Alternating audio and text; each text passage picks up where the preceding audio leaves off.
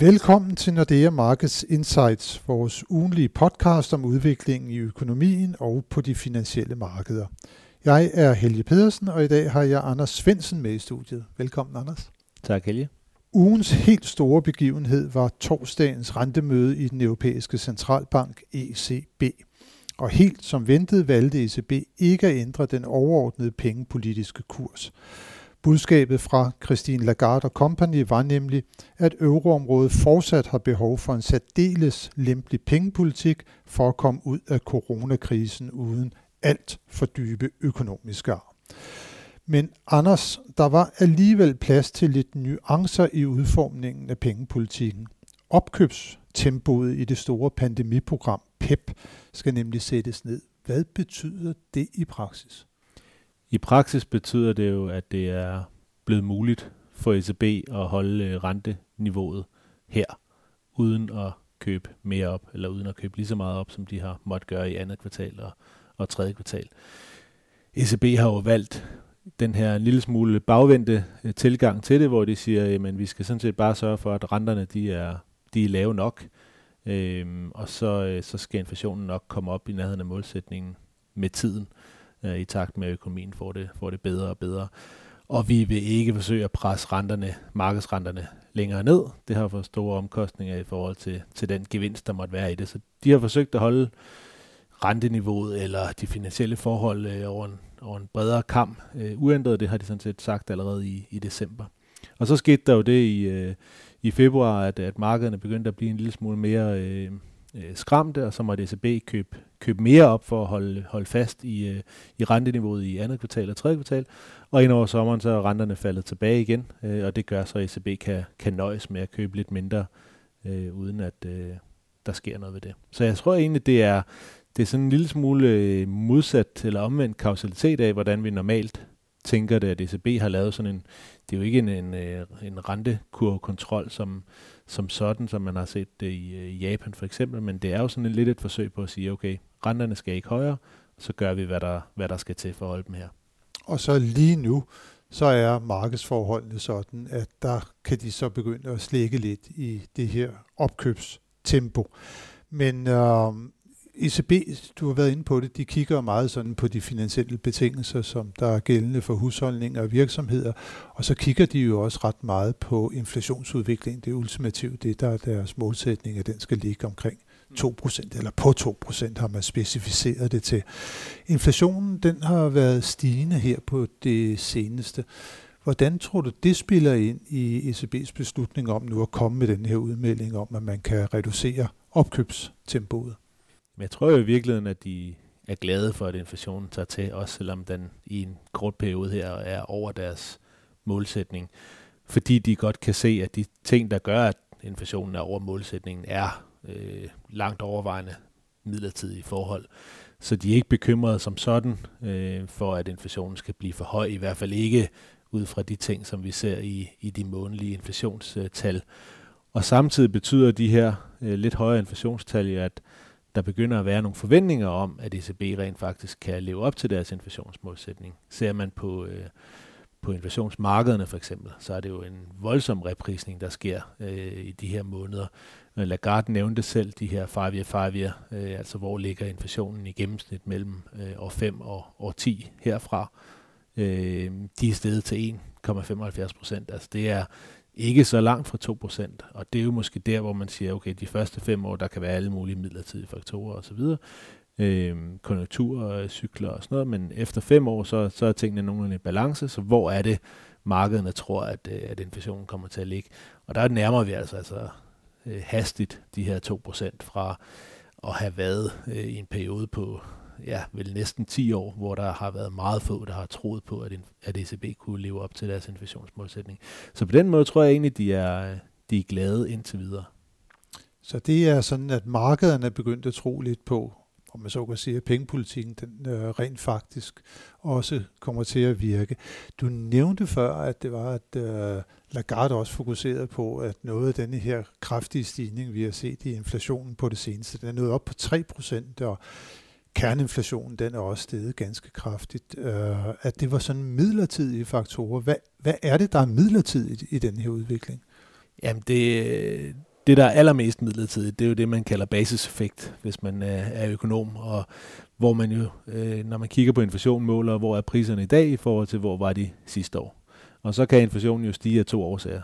Enten fordi den er højere nu, end den var sidste år, eller fordi den var lav sidste år. Bare. Ja, under alle omstændigheder er den vel højere nu, end var for et år siden, men det, om den er sådan ekstraordinært høj, eller... Ja. Lige nu er vi bare kommet ind i i andet halvår øh, af i år, hvor vi jo så sammenligner med andet halvår sidste år, hvor tyskerne lavede den her midlertidige momsnedsættelse for at sætte gang i den tyske økonomi. Og det gør jo bare, at vi sammenligner priserne i dag, som ikke er høj, meget højere her i andet halvår, end det var øh, lige før andet halvår, med en lavere base øh, sidste år, der er basiseffekter. Og det ved man jo, at det forsvinder igen til, til januar for den her tyske midlertidige momsnedsættelse. Den gik kun ind til december sidste år. Og så var der også nogle basiseffekter fra øh, noget tøjudsalg sidste år. Der var nedlukninger i Italien og Frankrig, der den her udsalgssæson, den, den flyttede, og det gør også, at man måler nogle priser mod øh, nogle tidspunkter, hvor der var udsalg øh, sidste år. Så det er jo ren teknikalitet. Og så er der selvfølgelig også selve pandemidelen, øh, at der jo stadigvæk er øh, steder, områder, hvor der er, er mangel på, på varer, og, og det gør jo, at, at priserne de, øh, de stiger på nogle ting. Øh, det er måske især øh, råvarer, energi, Øh, men det kan også være, øh, være, være andre øh, ting. Ikke? Du, du har selv en masse eksempler, ved jeg. Øh, og det er jo noget, der på en eller anden måde er midlertidigt ind til markederne for, øh, for, for produceret, eller ind til virksomhederne for produceret de, øh, de ting, der mangler. Ja, det er den ene ting i det, og det andet er vel også, at der, du nævnte råvarerne, der er jo også nogle basiseffekter, fordi de faldt jo dramatisk, da det var, at pandemien ramte os øh, sidste øh, øh, vinter-forår, og, og, og, og så stiger de jo nu fra et meget lavt niveau, der får man jo også nogle store basiseffekter, måske ikke mindst på, på olieprisen, der er jo nået ned i nogle 20 dollar tynden, og så bare sidenhen nærmest er blevet normaliseret, men det giver jo så helt automatisk næsten et par hundrede procent stigning. Ja, og det, øh, det er jo midlertidigt, og det som, øh, som Lagarde nævner, som de holder øje med, det er jo lønningerne. Fordi hvis der skal komme et, et vedvarende løft i inflationen, så skal det være, fordi lønstigningstakten den stiger. Og, øh, og det er selvfølgelig det, de holder øje med. Og hun siger det lidt, som om de er bekymret for det. Og hun har selvfølgelig også øh, øh, tyske medlemmer i sin, øh, i sin øh, styrelse der. Men jeg tror i virkeligheden, at ECB skal være glade, hvis lønstigningstakten kommer en lille smule op. Fordi vi har jo haft for lav inflation. Vi har for lave inflationsforventninger. Så derfor så burde en vis grad af, af lønvækst burde være, være glædeligt. Men det er klart, at lige så snart vi begynder at se lønvæksten, så vil der også være nogle tyske ECB-folk, som bliver meget bekymrede, og Bundesbank-folk, som begynder at blive meget bekymrede. Og så får øh, Lagarde sværere ved at fastholde sit, sit konsensus. Men, men så længe der ikke sådan rigtig er lønvækst, så er det meste af det inflation, vi ser, nok midlertidigt. Det er midlertidigt, øh, det som vi ser er holdning, og det er det jo sådan set også, kan man sige, fra ECB's side, for de kom jo med en helt ny økonomisk prognose, og det der altid er fokus på, det er deres vækstforventninger, og det er deres inflationsforventninger. Og man kan vel sige, at på vækstdelen, der kom man med en opjustering i år, det må man alt andet lige sige. Det, det, det er positivt. Det, det går faktisk ret godt i euroområdet. 5% forventer ECB øh, nu, at væksten bliver i år, og så vil den så aftage, hvilket også er helt naturligt, til 4,6 og 2,1% hen over de kommende to år. Men hvis vi i stedet for lige kigger så på inflationsforventningerne, 2,2 procent i år, Anders, og så falder de til 1,7 og 1,5 procent i 2023. 1,7 og 1,5 procent, det er jo faktisk væsentligt under deres målsætning. Kan de alligevel så være helt tilfredse med sig selv? Det kan de vel i princippet ikke, men der tror jeg nok, Lagarde hun vil mene, at hun har arvet øh, en, en del af, af den der, øh, det der efterslæb på, på inflationssiden. Øh, igen, jeg tror selvfølgelig kunne de godt gøre mere, men det de kan gøre herfra, det, det kommer med større og større bivirkninger, og effekten af det bliver mindre og mindre. Så jeg tror, de har besluttet sig for, at det, de har gjort her, det er, det er sådan set nok, og det skal bare til gengæld øh, signaleres, at det også kommer til at blive ved med at være der lige så langt øh, øjet rækker, og indtil at inflationen er tilbage på 2%. Og de har jo lavet de her tre betingelser nu, hvor de siger, at i, øh, ikke i slutningen, men sådan et eller andet sted i, i midten af deres prognosehorisont, der skal inflationen være 2%. Den skal blive ved med at være 2% i resten af deres prognose, og den underliggende inflation skal også være øh, vedvarende tæt på, øh, på, øh, på målsætningen. Og det er før de overhovedet begynder at, øh, at røre ved renten. Så de forsøger jo at, at ikke gentage de fejl, som man har lavet igennem historien, hvor man måske har været en lille smule for optimistisk på, eller bange for inflation, øh, og dermed har fået strammet pengepolitikken op for tidligt, øh, og derfor aldrig rigtig har fået inflationen tilbage på 2%. Du nævnte denne her underliggende eller kerneinflation, hvor man jo trækker fødevarepriser, energi og tobak og alkohol ud fra prisindekset. Der har de jo også kommet med en ny prognose. Og den siger 1,3 procent i år, 1,4 procent og 1,5 procent hen over 2022 og 2023. Og du siger, at den skal op omkring de 2 procent, før de sætter renten op. Man skal jo ikke sådan være tæt på en Nobelpris i matematik, for at kunne sige, at det virker som om, at det var længe endnu, inden det er, at ECB øh, kommer til at sætte renten op. Og det tror jeg helt sikkert også, de, øh, de selv tror. Øhm, der er måske også et eller andet øh, signal i, at øh, den her inflationsprognose, den, øh, den ikke kommer højere op. Altså det er midlertidige effekter, som, øh, som de ser lige nu, og det lærer de sig ikke, øh, at det, det lærer de sig ikke gribe med af. De skal stadigvæk se øh, lønvækst, før de for alvor tror, at inflationen kommer op, når vi ligger derude i, i 2023. Og som du sagde, øh, ja, vækstudsigterne er blevet, blevet bedre. Hun snakkede om, at de jo allerede i, øh, i slutningen af, eller vi allerede i slutningen af i år når samme BNP-niveau som før pandemien, og det er to kvartaler tidligere, end man, end man havde regnet med. Og i det øjeblik, at man begynder at, at få, øh, få aktiviteten øh, op i nærheden af, af, af et normalt niveau, jamen, så begynder der jo også at komme lidt pres på arbejdsmarkedet, og begynder også at komme noget lønvækst, og så begynder der at komme noget inflation, men det tager bare tid, og derfor er det nok ikke urealistisk, at vi skal ud et godt stykke på den anden side af 23, før vi kommer op i nærheden af 2%, og før de kan begynde at, at røre ved renten. Så det var altså længe endnu, inden ECB kommer til at sætte renten op. En stramning af pengepolitikken inden da, det skal altså komme i form af en ændring i noget omkring opkøbsprogrammet. Hvornår forventer vi, at ECB direkte begynder at trappe deres store opkøbsprogram ned? Ja, altså man kan jo godt diskutere, om det er en stramning, der kommer øh, på det her møde fordi de jo sætter tempoet ned fra 80 til 60, men det vil ECB jo ikke kalde det, for de siger, at det er jo bare, fordi markedsforholdene er, som, som de er. Og den øh, diskussion kommer vi nok til at have igen til, til december. Øh, I december skal de beslutte sig for, hvad skal der så ske med, med det her PPP-program, øh, som udløber til marts næste år. Øh, og det er nok svært at forlænge det. Der har vi trods alt alligevel så meget styr på, på pandemien nu her. Men det de kan gøre, det er, at de kan lave en overgangsperiode, øh, og så kan de lægge størstedelen af de opkøb, der har været i pandemien, over i deres, øh, deres blivende øh, opkøbsprogram, der hedder APP. Eller i hvert fald noget af det. Det bliver jo en, en stor diskussion, som, øh, som Lagarde kommer til at skulle øh, sidde for bordenden øh, for der med noget større uenighed givetvis blandt, øh, blandt dem, der har noget at skulle have sagt, hvor selvfølgelig især øh, tyskerne, øh, Holland øh, så videre, de, øh, de er jo ikke tilhængere af, at der skal være alt for meget af det her, der bliver øh, ført videre og kommer til at vare i lang tid, øh, mens øh, de sydeuropæiske lande, de kan jo slet ikke se muligheden for, at, øh, at man kan trappe ned. Øh, og der kan man begynde at snakke om, hvornår kommer der der en, en rekalibrering, som hun kaldte det i dag, og hvornår bliver det egentlig til en, øh, en aftrapning, og der tror jeg bare stadigvæk, at vi skal have en længere periode med, med høj inflation, før at, øh, eller inflation tættere på målsætningen, før at de kommer til sådan for alvor at gøre noget.